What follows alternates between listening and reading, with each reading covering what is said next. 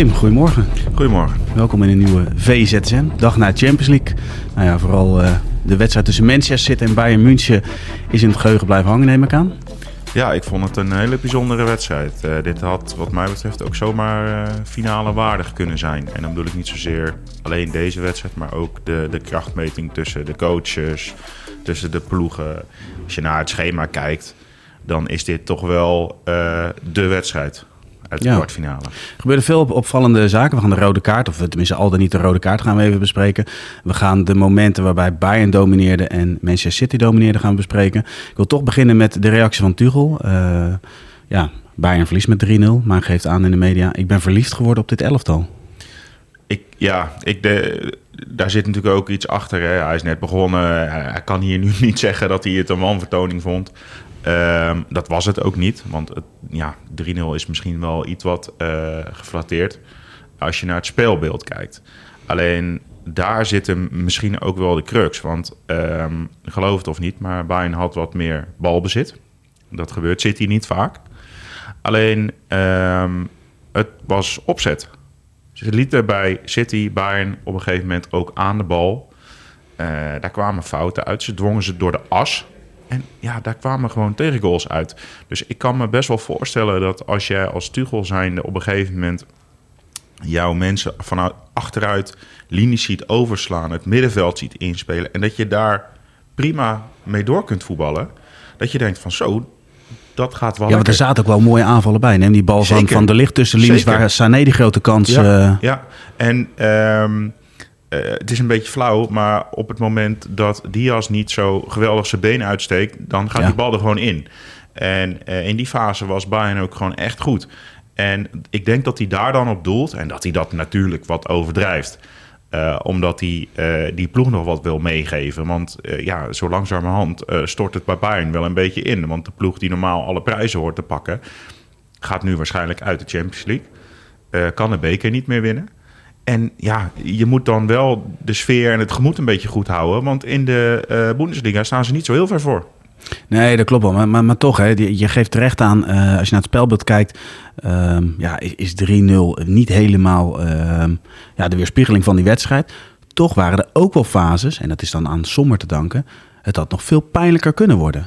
Ja, hij werkte dat soms ook wel zelf in de hand. Ja, samen met Meccano. Maar ik vond uh, dat vooral Upamecano, en dat snapte ik ook niet zo goed van Tuchel, was op een gegeven moment gewoon de weg kwijt. Uh, vooropgesteld, in, in de eerste helft leek het wel alsof hij op zijn slipper stond.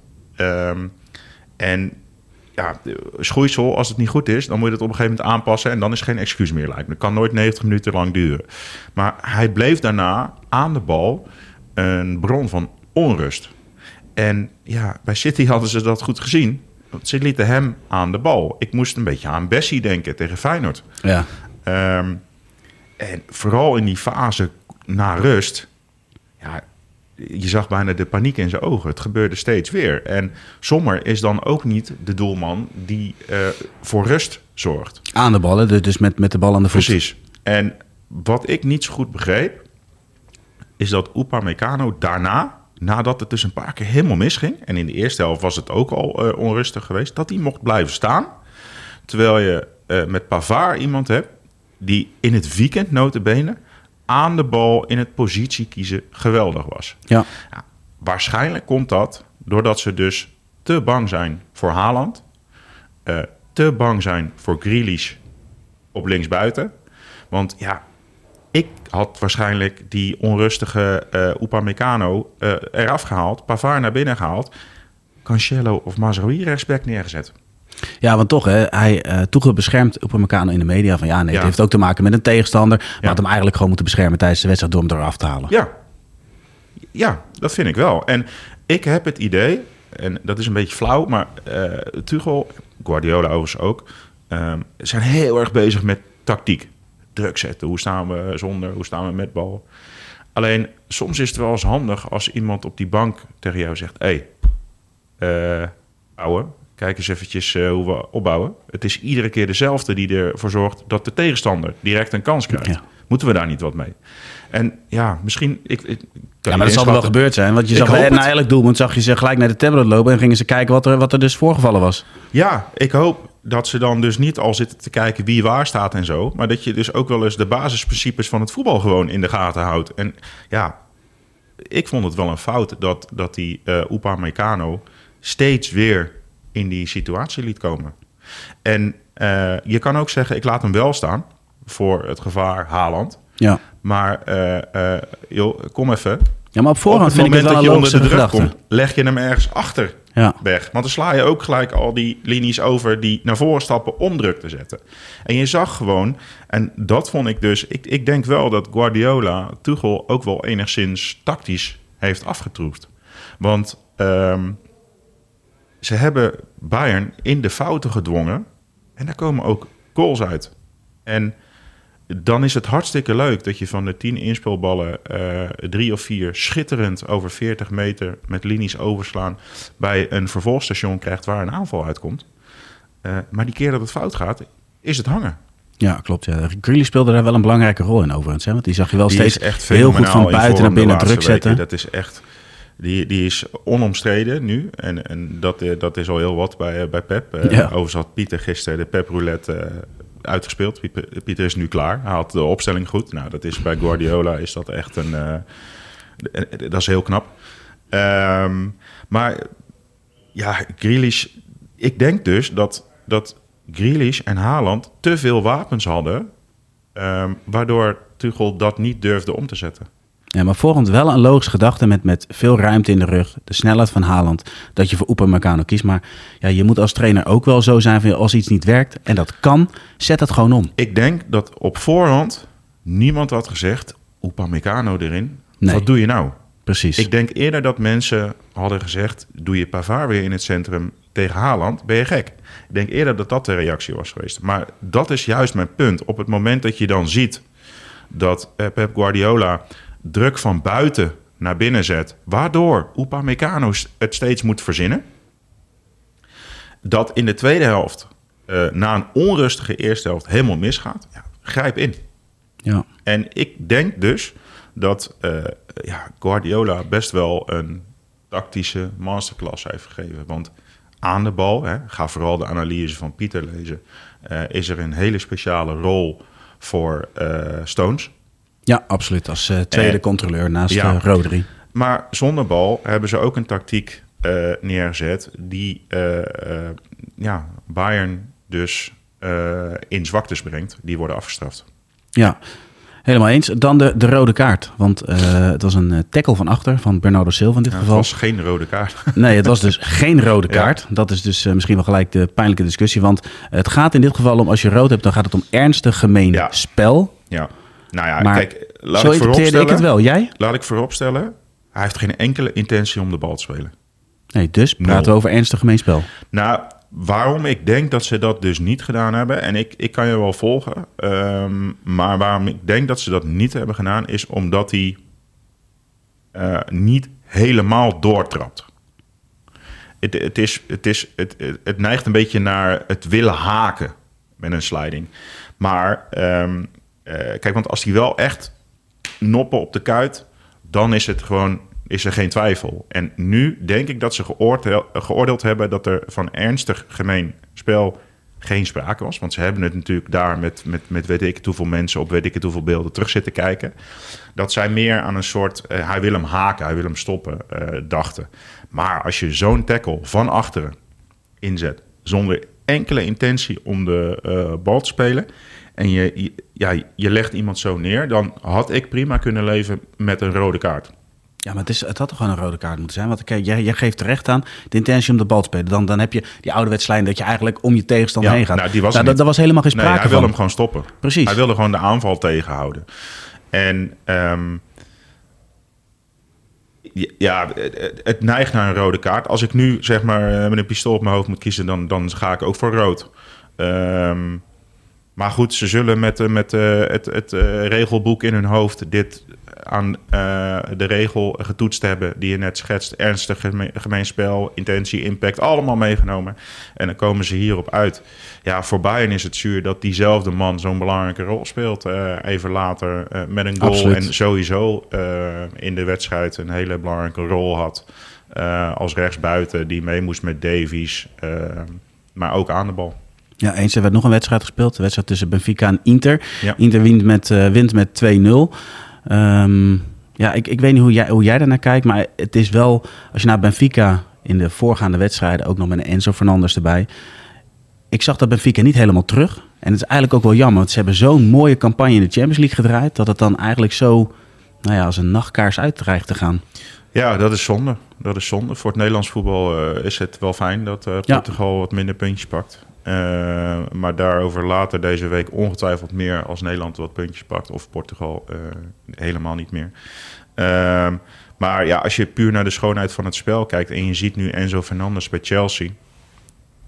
Dan denk je wel van, poh, wat is dat eigenlijk jammer dat hij het daar niet gewoon even heeft afgemaakt dit seizoen. Ja. Want ik zal niet zeggen dat hij er verloren bij loopt bij Chelsea. Maar het is daar natuurlijk een, een, een chaos, een bende. En ehm, ja, die gaan natuurlijk alles op de Champions League zetten. Uh, dus laten we hopen dat daar vanavond dan wat moois uitkomt. Maar ja, wat ze al, al, al weken, misschien wel maanden in de, in de Premier League doen. Eh, ja, er is geen enkele lijn in te ontdekken. En ja, daar kan die jongen ook niet zoveel aan doen. Hij moet acclimatiseren. Uh, zijn volgende manager staat alweer voor de groep. Dan had ik hem ook nog wel graag even bij, bij Benfica gezien nu. Overigens in die wedstrijd was ook weer een beslissing van de, van de arbitrage waar we het over moeten hebben. Ik, ik vind die hensregel zo dodelijk vermoeiend. Ik, ik vind dit geen strafschop. Nee, ja, het blijft lastig met die hensregel. Het is nog steeds een soort van interpretatie. En, en je wil eigenlijk gewoon een harde regel hebben. Jouw Mario springt in de lucht. Uh, via volgens mij zijn arm schampt hij tegen zijn hand. En hij krijgt een penalty uh, tegen. Nou, zijn de UEFA, FIFA, zijn allemaal bezig met die handsregel. Want volgens de letter van de wet is dit een strafschop. Want mm -hmm. hij springt met zijn arm wat naar buiten. Een onnatuurlijke zijn, beweging. Zijn hand wat naar buiten. Ja, ik, ik weet niet of je het dat helemaal... Is, ja, goed, zo, als zo je zo springt dan. en draait, weet ik niet of het helemaal onnatuurlijk is. Maar hij neemt een risicootje door zijn hand hoog aan de zijkant te hebben. Maar waar het mij vooral om gaat, is de geest van de wedstrijd. Natuurlijk is er bij Inter iemand wel, die, die, die wel roept van... hey Jens. Maar ik denk dus dat als je hier geen uh, strafschop voor geeft... en je fluit niet, dat, er, dat het wel meevalt met de commentaren achteraf... of mensen die zeggen van oh, dit is een hele grote fout. Nu uh, heb je dat meer. Ik denk dat het oordeel van de scheidsrechter gewoon niet ervoor fluiten... en de VAR of een Boekel in dit geval, die eraf blijft. Ik denk dat dat voor mij een veel fijnere beslissing was geweest dan wat je nu doet in deze wedstrijd. En uh, misschien wel in dit tweeluik, want dat is wel best wel beslissend. 0-1 of 0-2. Absoluut. Uh, al met al uh, was het een enerverende Champions League avond met een uitkomst waarbij je zegt van ja, de returns gaan niet heel spannend worden. Nou, en de uitkomst is dus waarschijnlijk ook dat je een Italiaanse ploeg in de finale hebt. Interessant. Want Inter uh, lijkt mij dat ze dit niet meer weggeven. En in de andere uh, kwartfinale is het AC Milan-Napoli. Nou, ik weet niet heel veel, hoeveel mensen daar voor dit seizoen op hadden gegokt. Dus dat is wel, wel, wel een interessant gegeven van, van die doorloting ook. En ja, ik zie Bayern dit ook niet meer, niet meer goed maken. En dan, ja, dan krijg je zo meteen City misschien weer tegen Real. We gaan het volgen. Interessant. Uh, we gaan nu naar de meest gelezen items. Uh, VI.nl en op Pro. In beide gevallen gaat het om uh, de technisch directeur van Ajax, Mislintat. Ja. Gisteren gepresenteerd. Freek sprak hem even namens Voetbal International. Um, ja, we hebben een uitgebreid verhaal op Pro. We hebben een korte reactie gehad op VI.nl. Ja, eigenlijk in het kort. Wat, wat is jouw eerste beeld van een nieuwe technisch directeur van Ajax? Nou, kijk, zo'n zo'n eerste kennismaking, dan zegt hij natuurlijk heel veel dingen. Uh, ik zal niet zeggen voor de bühne, maar het, je kan ze wel redelijk uittekenen. Uh, het is een eer, iconische club, ik ben heel blij. Hè, en nou ja, er wordt dan ook door Van der Sar een soort... Um, takenpakket weergegeven. Daar staat eigenlijk alles wel in. En daar voldoet hij inderdaad aan. Er zijn twee dingen bij mij blijven hangen. Eén ehm, is dat hij ehm, eigenlijk door alles over Bos zo af te kappen. Uh, dat is blijven hangen. Dat, Waar het voor heel veel mensen uh, Bos de ideale kandidaat is, een simpele optelsom, bleek dat hier dus helemaal niet uit. Dat had daar iets die ochtend ook al gezegd. Dus dat is bij mij wel blijven hangen. Um, en uh, ja, verder vind ik het in ieder geval goed dat deze man zegt: Ik ga nu niet als een uh, olifant door een uh, porseleinen kast. Hij zegt: Ik ga eerst rustig praten, eerst rustig kijken. Club um, leren kennen. Ja, uh, wat wel interessant is, en dat, dat moet je dan tussen de regels doorlezen, is dat hij al in februari benaderd is door Ajax. Dus sindsdien heeft hij al de tijd om erover na te denken, om naar Ajax te kijken. En als je dan gaat kijken, februari, eind januari is uh, uh, Schreuder uh, de laan uitgestuurd. Dus toen was Heitinga nog maar net in beeld. Um, en ik snap dat hij nu zegt van we, we focussen eerst op dit seizoen, op Heitinga. Maar als je dan ook bedenkt wat daar iets ochtends heeft gezegd, dan, dan zit daar wel een soort lijn in. Um, ik ben heel erg benieuwd waar, waar Michelin dat mee gaat komen.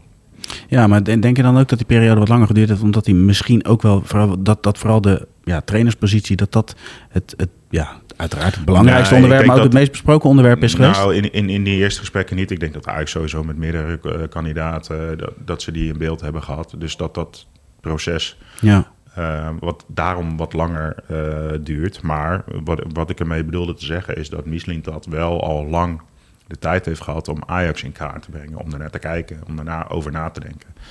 En uh, wat ik vooral hoop is dat Ajax teruggaat naar, uh, ja, zeg maar, wat Kruif ooit voor stond. Dus jeugd.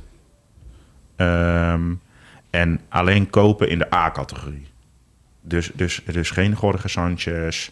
Uh, daar dan of een topper verhalen of naar je eigen jeugd kijken. En daar geven ze hoog op, want hij heeft een goed netwerk, geven ze aan nou, in de scoutingswereld. Dat is, uh, uit dat functieprofiel uh, is dat een van de dingen. Uh, scouten, maar ook jeugd een kans durven geven. En dat, als je kijkt naar de man zijn cv en hoe hij dat voorheen heeft gedaan, dat klopt. Dus dat ja, maar hij wilde niet als data-Duitser neergezet worden, want daar nee, was nee, niet dat, helemaal dat mee eens. ging helemaal uitleggen hoe ja. dat allemaal was, ge, ja. was gekomen. Um, uh, dat vond hij 10 tot 15 procent van zijn werk. En ja, dat klopt ook wel. Uh, het speelt een rol, maar het mag nooit doorslaggevend zijn. Het moet uh, zeg maar de beslissing versterken om ergens voor te gaan en niet de beslissing bepalen. Dus dat, dat wilde hij gelijk uit de wereld hebben. En nou ja, daar moeten we hem dan maar op geloven. Ja, met de komst van Mislintat. Uh, Hamstra is natuurlijk eerder al vertrokken. Huntelaar is gebleven. Hoe, ziet zijn rol eruit? Nou, dat was ook nog wel een interessant gegeven wat uh, op te maken was uit de woorden van Mislintat. Want hij um, vertelde dat Huntelaar zich in principe gaat richten op jong Ajax, doorstroming van talent uit de jeugd. Um, dus dat ze die takenpakketten wel een beetje uh, zo hebben verdeeld. Dus dat Huntelaar vanuit hè, zijn Nederlandse kennis en de kennis van de club en uh, contact met, met, met, met de jeugdcoaches, uh, et cetera. Dat hij zich daarop richt, jong Ajax, uh, en het overhevelen van talent daar naartoe en de brug naar het eerste elftal. En nou ja, daar maak ik dan uit op, en dat is natuurlijk ook logisch, dat Michelin dat met zijn netwerk, zijn ervaring en zijn kennis en kunde zich gaat richten op de verkoop en aankoop van die A-categorie. Want ja, er gaan natuurlijk spelers vertrekken bij Ajax komende zomer. De kans is heel groot dat Alvarez en Kudus vertrekken. Nou, daar moet je dan ook weer mogelijk vervangers voor. Uh, maar dat vond ik nog wel interessant, dat hij uit zichzelf vertelde dat Huntelaar zich dus um, vooral daarop richt. Klinkt ook als een, een weg der geleidelijkheid, dat hij ook daar langzaam in kan groeien. Dat hij misschien uiteindelijk toch naar die functie van technisch directeur zou toe kunnen werken, toch? Nou, hij zal natuurlijk sowieso een vraagbaak zijn voor Mislintat. Omdat, uh, ja, dit is iemand die van buitenaf komt. Dus hij zal sowieso referentiekader zijn. Maar ik vond het wel opvallend dat hij die rol van uh, Huntelaar zo speciaal duidde. Ja, Later vandaag trouwens nog een video met Freek Jansen... die nog even uitgebreid ingaat op zijn eerste ontmoeting met Michelin Tat. Nou, Tim, jij bedankt voor jouw bijdrage aan deze ZSM. En zoals we vaker zeggen, tot ZSM. Joep.